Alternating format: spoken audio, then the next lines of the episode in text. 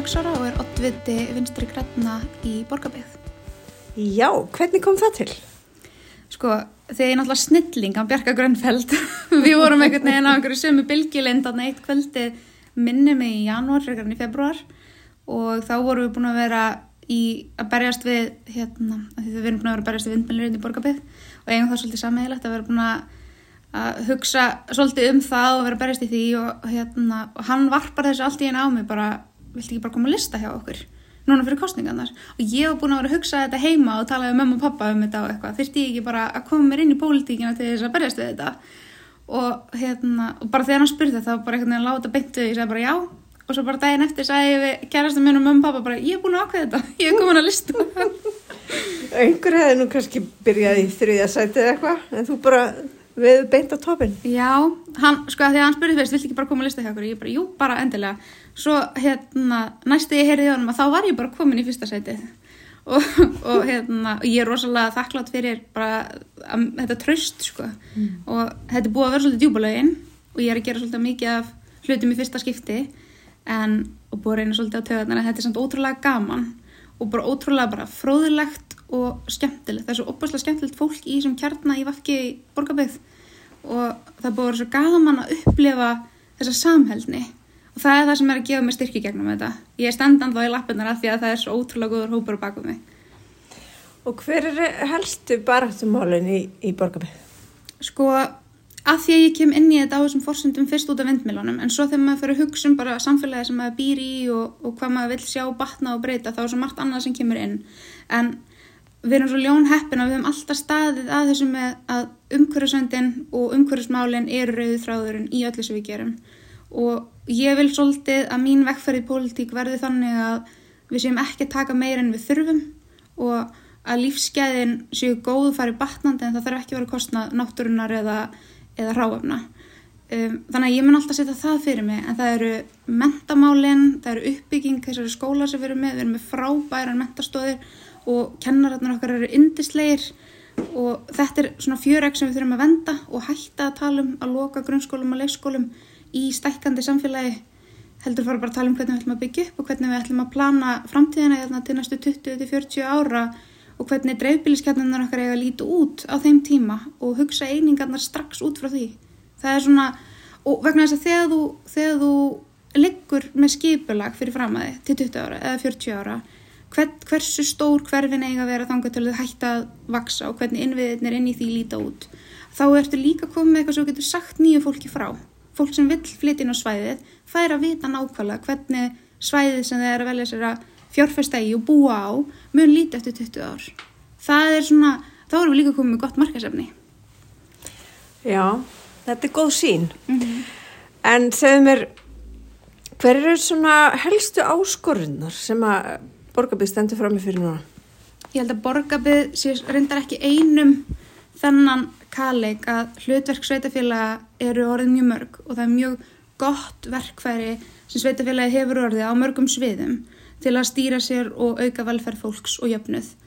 En þessi þarf að fylgja fjármagn og maður hefur það svolítið á tilfinningunni þó maður sé bara byrjandi og maður er kannski ekki búin að kafa hún í alla ásreikninga langt, langt aftur í tíman og sjá hvernig þetta virkar. En sveitafélagi er alltaf einhvern veginn að hugsa sko til uppbyggingar þarf að auka skuldir og svo kemur eitthvað tími þar sem maður þarf að greiða skuldir.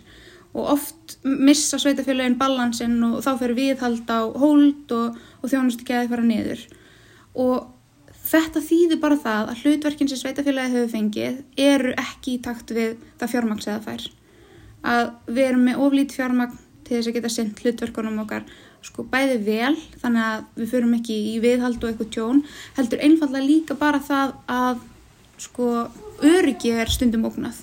Við erum kannski ekki með fullnægandi slökkvilið eða einhverju svona hluti, við erum með miklu í grunnskólum þar sem að heilsu kennara og nefnda er ógnað. Og við eigum ekkert að vera þarna, við þurfum ekkert að vera þarna. En þetta er bara ákvörðun, þetta er bara pólitísk ákvörðun að taka. Þetta er alltaf áskorðun sem að við stöndum fyrir hér og ég held að sveitir fyrir að segja það sama. Mm. Hvernig eru húsnæðismáli?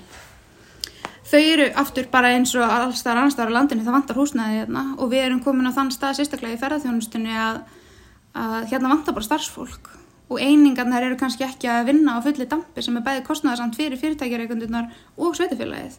það er ekki fullnægandi úsvar með að við einingar og allt þetta og þegar við erum komin á þennan stað þá erum við farin að tapa og það er rosalega lítið orði núna af loðum í frambóði en fyrir tveim árum síðan að þá var engin hreyfing á þessu.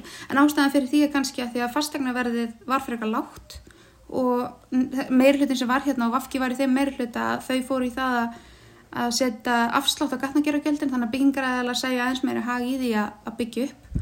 Og það er aðeins fara á skrið og núna þegar eftirspurnin er svona meiri að þá náttúrulega hækkar verðið og þá er komið grundvöldu til þess að fara að bjóða út lóðir en til þess að geta bjóða út lóðir þá þarf að vera til skipulag.